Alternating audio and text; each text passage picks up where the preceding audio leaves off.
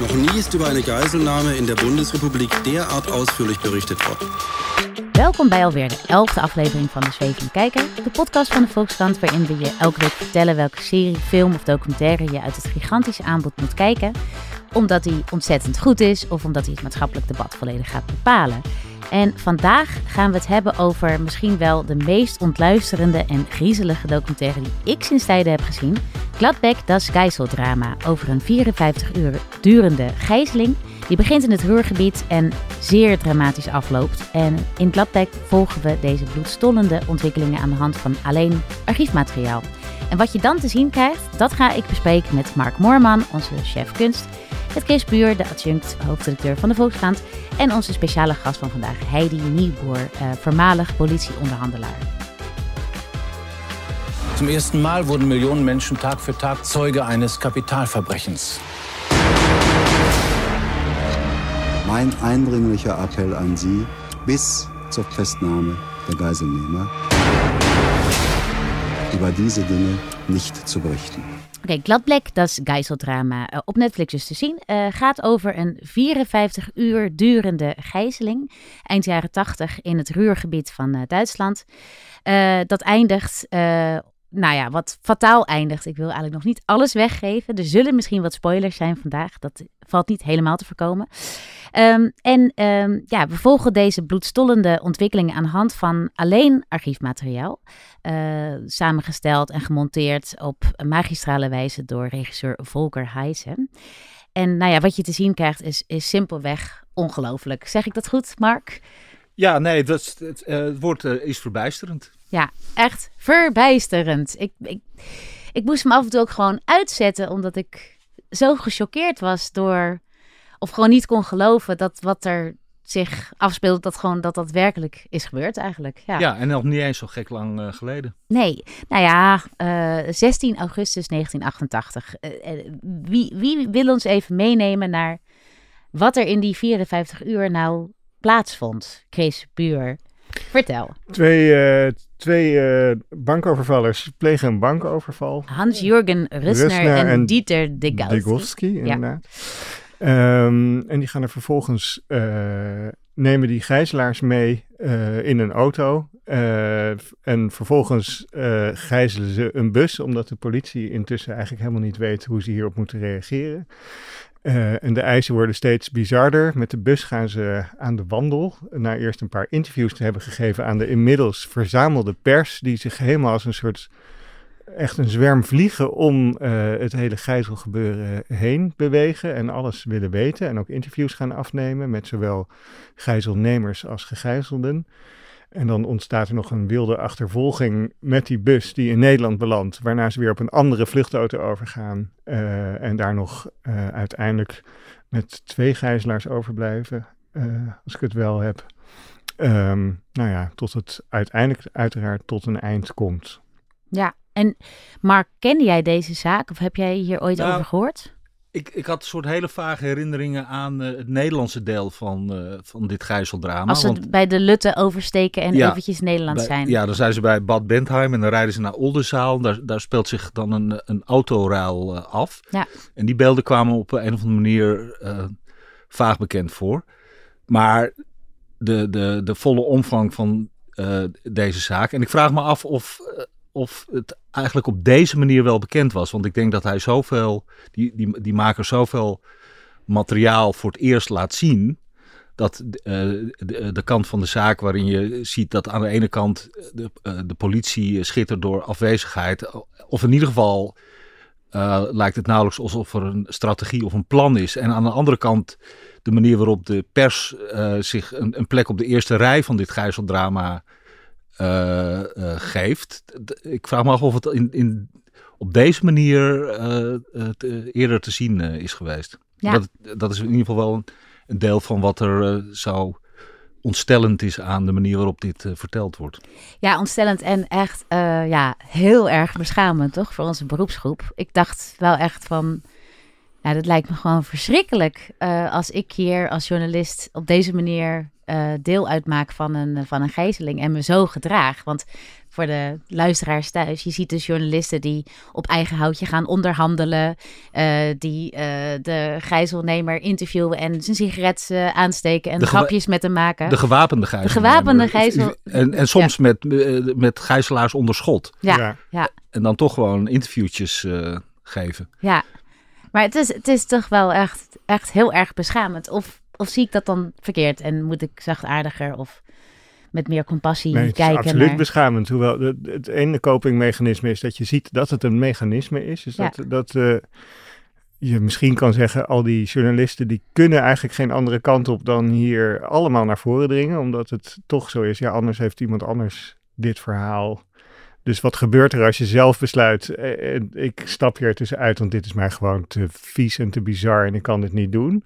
Er, is geen gedragen moreel besef van met een, met een misdadiger praat je niet. En zeker niet op het moment dat. Het is toch heel gek. Maar daarmee ontstaat er wel een soort massapsychose. Het andere mechanisme is dat ik denk, eh, ja, dit is, dit, zijn, dit is andere pers. Dit is niet mijn pers die dit doet. Jij denkt dat de Volkskrant er niet zo tussen had eh, gestaan? Waarschijnlijk wel. Zeker in die tijd. Ja, maar maar eh, eh, het was, er, zat er natuurlijk wel veel roddelpers. Laat zeggen, De Boente illustreert een klassiek Duits roddelblad eh, over Staat en Promis. Die, die, die speelt er een grote rol in. Maar ja, de, de, de, de WDR en de ARD en zo, die staan daar ook allemaal, spelen hier ook allemaal een rol in. Er is één fragment waarin een Duitse nieuwslezeres zich hardop afvraagt of ze het, het fragment moeten laten zien dat ze dan gaan laten zien. Ja, dan, en uiteindelijk wordt het uit, uitgezonden, althans een, een, een interview met eh, een van de daders in het Duitse journaal. Eh, en en de, de motivatie is, is van, het is een document, zegt zij, en dan moeten we het uitzenden. we hebben een klein fragmentje van, weliswaar in het Duits, maar laat het toch even horen. Olli. Ja. Äh, wie lange wollen Sie denn die Geschichte noch fortsetzen? Ja, wir werden einige Forderungen stellen und äh, werden die nicht erfüllt, dann knallt es. Ne? Ja, wollen Sie es wirklich auf Sie nehmen? Ja, wir haben abgeschlossen im Leben. Ne? Und äh, wir sind jetzt seit über 30 Stunden auf der Flucht und die verfolgen uns so da, die Bullen. Ne? Und äh, die sind ziemlich fertig, die beiden Bankangestellten. Und die, vor allem die Frau, die möchte nach Hause und so. Und wir waren heute bereit gewesen. Ja, und dann kamen die uns wieder in die Quere. Ne? Wir waren also so ziemlich sicher, dass uns keiner verfolgt. Und dann haben wir sie doch gesehen. Ne? Und Sie meinen nicht, dass es nicht besser ist, aufzugeben? Aufgeben auf keinen Fall. Eh, nou, je hoort hier hoe hij eigenlijk tegen de pers vertelt dat hij bereid is om iedereen neer te knallen. En dat hij eh, ook weinig waarde hecht aan het leven. En werk en moraal hem helemaal niks eh, zeggen. En ondertussen omringd door, eh, door, door, de, door de pers die dit allemaal aanhoort. Alsof hij niet gewapend is en niet een man is die op de rand van de afgrond staat. Dus dat blijft een soort heel merkwaardig Het is eh, zo tafereel. fascinerend. Want eh, ik zou gewoon ook voor mijn eigen leven bijvoorbeeld hebben Hmm. gevreesd. Maar dat lijkt bij die journalisten veel minder Nee, aan de hand. En nog even over die, eh, de, zeg maar, de schuldvraag. Nou ja, de schuldigen zijn duidelijk, want dat zijn de daders. Maar die journalisten kun je ook zeggen, ja, ze, ze doen hun natuurlijke ding, namelijk getuigen zijn en, en eh, als, als eh, die plek zich aandient op de eerste rij staan, omdat er een enorm vacuüm ontstaat, omdat de politie, althans zo, zo lijkt het vanuit deze documentaire, soort schittert door afwezigheid. Ja. Dat is echt. eh, en, en daardoor ontstaat er een soort ruimte. Waarin eh, ja, de pers neemt die ruimte in. in- inclusief de ruimte als onderhandelaar in, Ja. de- in dit hele eh, circus. Wat Ja, steeds meer wordt. d'Amour, echt alles. Ik bedoel, Ja. heel raar. Nou, over die rol van de politie eh, en de pers gaan we zo dadelijk ook nog even praten met Heidi Nieboer, eh, voormalig eh, politieonderhandelaar en middels eh, trainer. Maar voordat we naar haar overschakelen, nog even over de vorm, eh, Mark. Want deze documentaire is opgebouwd uit louter archiefmateriaal. Wat voor een soort materiaal is dat? En hoe, Nou- hoe werkt dat? Nou, je, je, je ziet eh, eh, voortdurend dat. eh, in, in beeld zie je dat er allerlei cameraploegen rondom de auto, dan wel de bus, op verschillende plekken in Duitsland. Want er wordt er ook nog een hele route afgelegd. En er is een sterk organiserend principe om de chaos van al die verschillende beelden van verschillende camera's bij elkaar eh, te halen. Eh, dat, dat heeft die maker wel echt heel slim en secuur gedaan. Dus je hebt een soort doorlopende uh, tikker die steeds aangeeft hoe lang is de gijzeling al bezig. Zodat je, dat is een spanningsboog. Tussendoor krijg je op een kaartje te zien welke route er wordt afgelegd door dit hele circus. Wat, wat, wat, en daaraan aan die route alleen al zie je dat er geen enkel plan is. Want het kronkelt maar door Duitsland en, af, en dan één keer Nederland in. Uh, en, dan is, en dan is er doorlopende muziek. En wat, wat ik ook wel opvallend vind in deze tijd, waarbij elke true crime tot een uh, zes à achtdelige serie van uh, eindeloze proporties wordt uitgerekt, is dat hij heel duidelijk gekozen heeft van ik moet dit in één spanningsboog van 90 minuten, wat echt de klassieke speelfilmlengte ja. is, vertellen.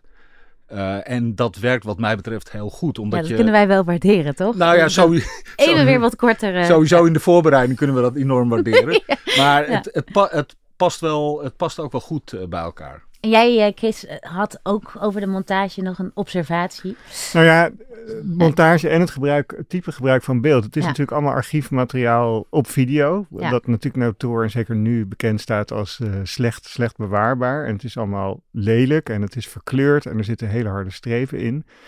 Maar je ziet bij dit soort films, dat zag je ook bij uh, uh, Keep Sweet, Pray and Obey, die we vorige keer uh, bespraken, waar ook heel veel sprake is van video-archiefmateriaal, dat de makers enorm zwelgen in de slechtheid van de beeldkwaliteit. Dat wordt echt ingezet als filmisch middel. De strepen, de, de verkleuringen, die lijken bijna overdreven te worden, maar in ieder geval kan je constateren, ze laten ze er met veel plezier in zitten. En sterker nog, deze maker die monteert ook stukken aan elkaar door gewoon random stukken streep en uh, zwart beeld, et cetera, daartussen te doen. Als een soort, eigenlijk bijna als dramatische momenten. Wat ik grappig vond, want je hebt ook, dit is dan om te laten zien, dit is echt, hè, om het een beetje te overdrijven, een soort filmisch middel om te laten zien, dit is echt materiaal, je bent erbij.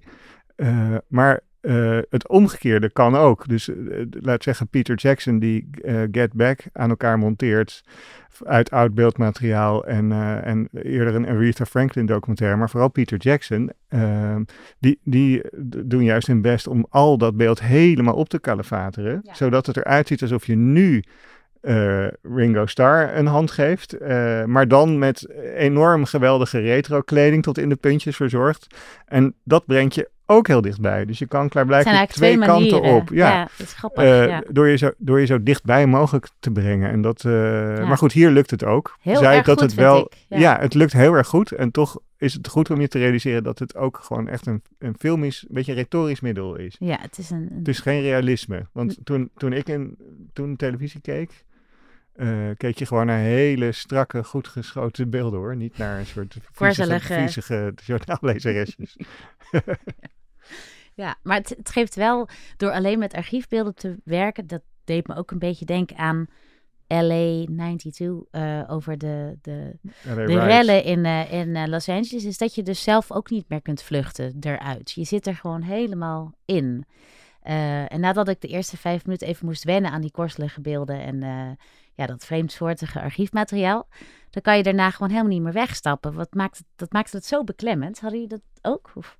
Ja, heel ik, erg. Ik vond het echt gewoon doodeng, om eerlijk te zijn. Het was doodeng ja. en je realiseert je dat een commentaarstem of commentaar achteraf, ja. eigenlijk net als bij een voetbalwedstrijd, is ook een soort even op adem kunnen komen. Heel erg, En je ja. even de ruimte geven van, poeh, nou, maar we hebben het ook weer overleefd of zoiets. En hier zit je helemaal 100% in het Erin. gebeuren. Ja, ja.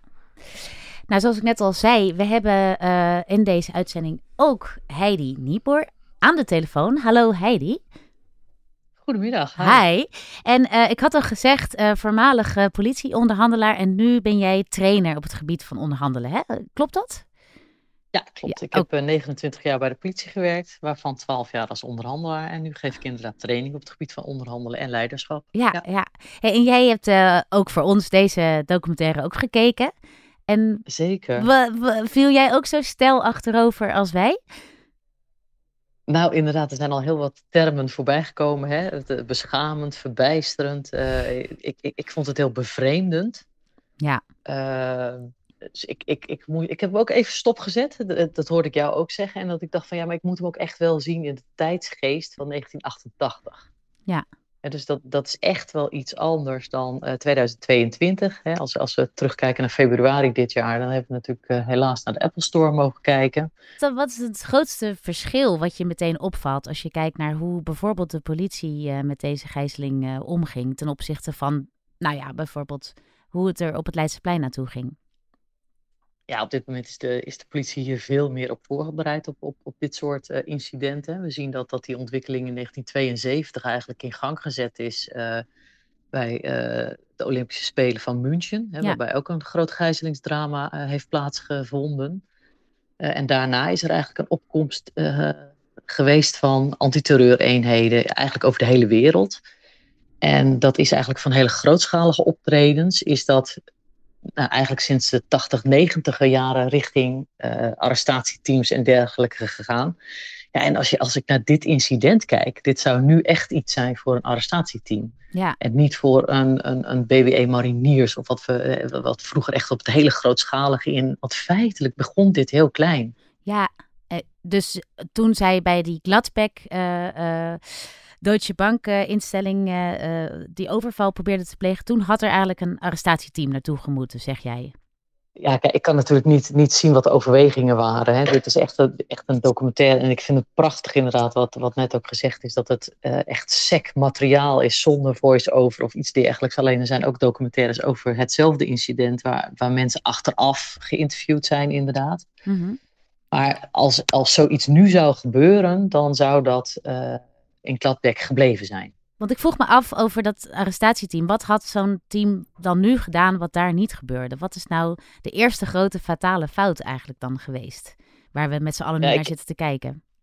Ja, ik, eh, fouten vind ik lastig. Hè? Ja. Dus dat is altijd achteraf gezien zijn een heleboel dingen niet goed gegaan. Alleen daar zijn vaste, vaste overwegingen geweest en dergelijke. Dus daar, daar wil ik geen oordeel over geven. Alleen wat op dit moment zou gebeuren, en dat is daar ook gebeurd, heb ik begrepen, uh, is dat er onderhandeld gaat worden. Dus dat er contact gelegd wordt met, uh, met de bank en dat er dan door professionele politieonderhandelaars gekeken wordt of je deze mensen op een ander idee had kunnen brengen. Ja. En uh, zo, zoals het eruit zag, tenminste wat, wat ik vanuit de beelden zie, uh, was het een niet voorbereide actie. De bankroof wel, maar het was niet de bedoeling dat het eindigde in een gijzeling. Dus vaak betekent dat dat je toch wel in contact kan komen met deze personen. Ja. Dus ja, dat zou de allereerste stap geweest zijn. Ja. En uh, dat is daar ook geprobeerd, heb ik begrepen. Alleen uh, ja, later is toch het een en ander uh, gelopen zoals het nu gelopen is. Waar in mijn ogen, wat ik ook heel bevreemdend vond, is dat iedereen erbij kon komen. Hè? Als je nu het vergelijkt ook weer met de Apple Store, de gijzeling daar. Dan wordt een omgeving onmiddellijk afgezet, zodat zowel media als publiek niet meer in de buurt kan komen.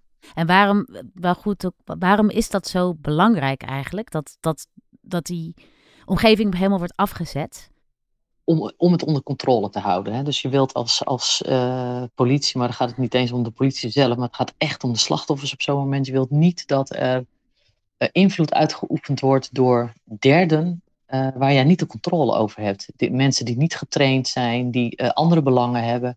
En met alle respect naar de media, maar die hebben gewoon andere belangen. Ja. En die hebben belangen van nieuwsvergaring, mooie beelden, interessante beelden. En uh, daar waar de politie mogelijk met van allerlei dingen bezig is, uh, zonder dat het publiek dat kan zien, wil je ook dat dat zo blijft. Dus op het moment dat daar in één keer een journalist in gaat bellen, uh, die kan mogelijk onderhandelingen verstoren. Of daar waar een journalist beelden toont dat er een arrestatieteam om het hoekje staat, hè, ik, ik noem maar iets. ja, tegenwoordig is alles online. Dus ook degene die, ook de gijzelnemers, kunnen waarschijnlijk online zien wat er uh, rond het gebouw gaande is. En dat wil men niet. Vandaar ook in uh, februari zag je ook dat uh, de politie al heel snel een oproep deed, zowel aan media als aan omstanders, om geen, geen beelden online te zetten. Ja, ja, en dat deed in deze documentaire de politiechef, of ik weet niet precies, een politiecommissaris ook aan een zaaltje vol journalisten. Maar die gaven daar geen gehoor aan, was duidelijk. Ja. Ah, zij wel, die daar in het zaaltje zaten. Misschien wel, wel, ja. Maar de volgende dag of de dagen daarna werden hun namen en zo alsnog uh, de eter in, uh, ingeslingerd. En dat is ja, echt super en, en gevaarlijk, toch? Zeker, zeker. En, en, en dan ontstaat er ook wel iets, en dat, dat werd net ook wel terecht uh, door een van jouw collega's gezegd, van er ontstaat iets van een massahysterie. Er ontstaat iets van een groepsdruk onder, eh, in, in, of onder de media, kan ik mij voorstellen. En het is natuurlijk sensatie. Uh, alleen ook daarin zijn ze gewoon niet beperkt. Niet door de politie. Uh, uh, en, wat ik het meest schokkend vond, en dat, dat, dat, dat nou, ik, krijg nog kippenvel als ik het over heb, is dat de pers de, de gijzel nemen, maar ook de gijzelaar, dat meisje van 18, vragend stelt terwijl ze een pistool op haar kin heeft staan en er volledig doorheen zit. Ik denk van. Ja. En dan, dan, dan geeft de gijzelnemer het antwoord: ja, ik, ik geef niks om mijn leven en ook niet om het leven van de ander. Dat wil je als slachtoffer niet horen. Dus een politieonderhandelaar zou altijd ook een soort steunend zijn naar een slachtoffer. Of die zal in ieder geval proberen een slachtoffer vrij te spreken. Je, je, we zien mensen van de media die gaan de bus in en weer uit. En ik van, hoe dan? Ook al had je me gevraagd, mag ik er één meenemen? Dan had je één, één leven kunnen redden, bij wijze van spreken. Ja, na dit gijzeldrama uh, is er in Duitsland dus ook een nieuwe soort wet of een code gekomen, waarbij dus de pers niet langer meer met, met, met gijzel, gijzelnemers uh, mogen praten of ze niet mogen interviewen Mhm. tijdens de daad, om maar zo te zeggen. Mhm. Dat klinkt heel logisch, maar in Nederland hebben we niet zo'n wet, geloof ik, hè? Nee, de persvrijheid eh, staat in Nederland natuurlijk eh, heel hoog in het vaandel. Alleen eh, daarin kan een journalist wel zo gaan dat hij het onderzoek belemmert, dan wel eh, meewerkt aan een strafbaar feit. Ja. Dus dan kom je natuurlijk wel in het strafrechtelijke eh, spectrum. En wat je tegenwoordig wel ziet, is dat er over het algemeen goed overleg is tussen de media en eh, een persvoorlichter vanuit de politie. Waarin ook gewoon begrip gevraagd wordt om uh, de privacy van de slachtoffers, maar ook uh, ten behoeve van het onderzoek, ten, uh, ten behoeve van de veiligheid van de slachtoffers. Dus dat is tegenwoordig wel iets anders. Ja. Dus stelt de pers zich wat dat betreft uh, vanuit politieperspectief zich dan nu beter en coöperatiever op? Ik bedoel, zou dit sowieso niet meer gebeuren? Dat uh, als, jullie het even, als jullie even niet opletten, dat er dan een zwerm volkskrantjournalisten om de, om de bus heen staat? Ah, jullie zijn van de Volkskrant, hè? dus jullie doen dat. Dat dacht niet. ik ook. Gelukkig. Fijn dat je het zegt. Nee. ja.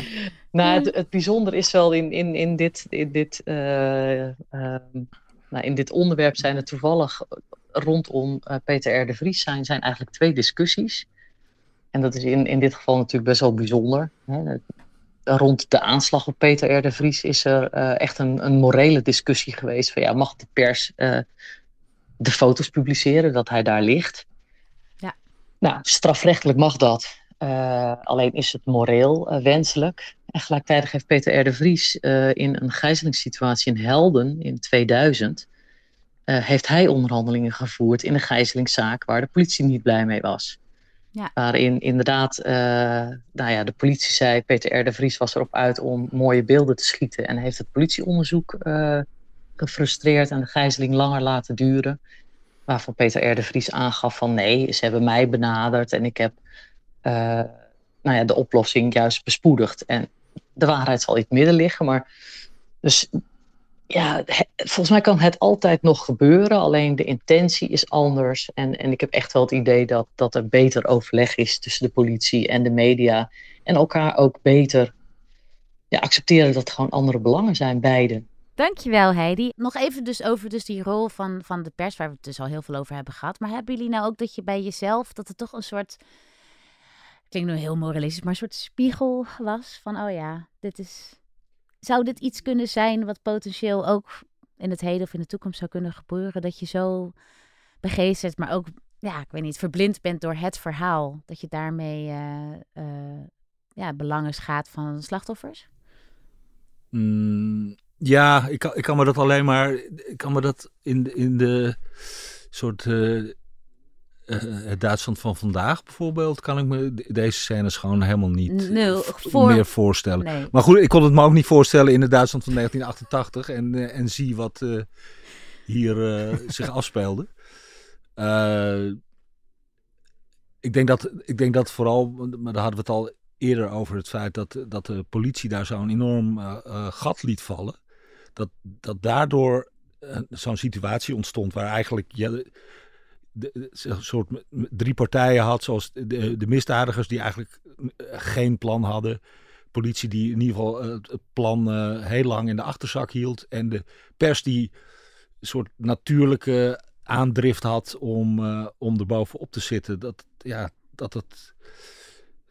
Uh, dat het, het, het gebeurde maar tot het gewoon niet zo verder kwam. Omdat uh, de uitputting bij iedereen was toegeslagen na 54 uur. Ja, ja, het is op een bepaalde manier ook een soort schitterend ongeluk. Alles wat fout kan gaan, gaat fout. Absoluut. Ja, en dat levert ja, hele fascinerende en ook hele lugubere beelden op. Die prachtig zijn gemonteerd en samengesteld. Uh, in uh, Gladbeck, das Geiseldrama. Dit was de Zwevende Kijker. Dank voor het luisteren en wil ook heel graag bedanken Heidi Nieboer, voormalig politieonderhandelaar en nu trainer, voor haar bijdrage aan de podcast. Uh, techniek en montage uh, worden gedaan door Tom van Rooyen en eindredactie door Corine van Duin. En wil je op de hoogte blijven van onze podcast? Meld je dan aan voor de podcast nieuwsbrief via het linkje in de show notes.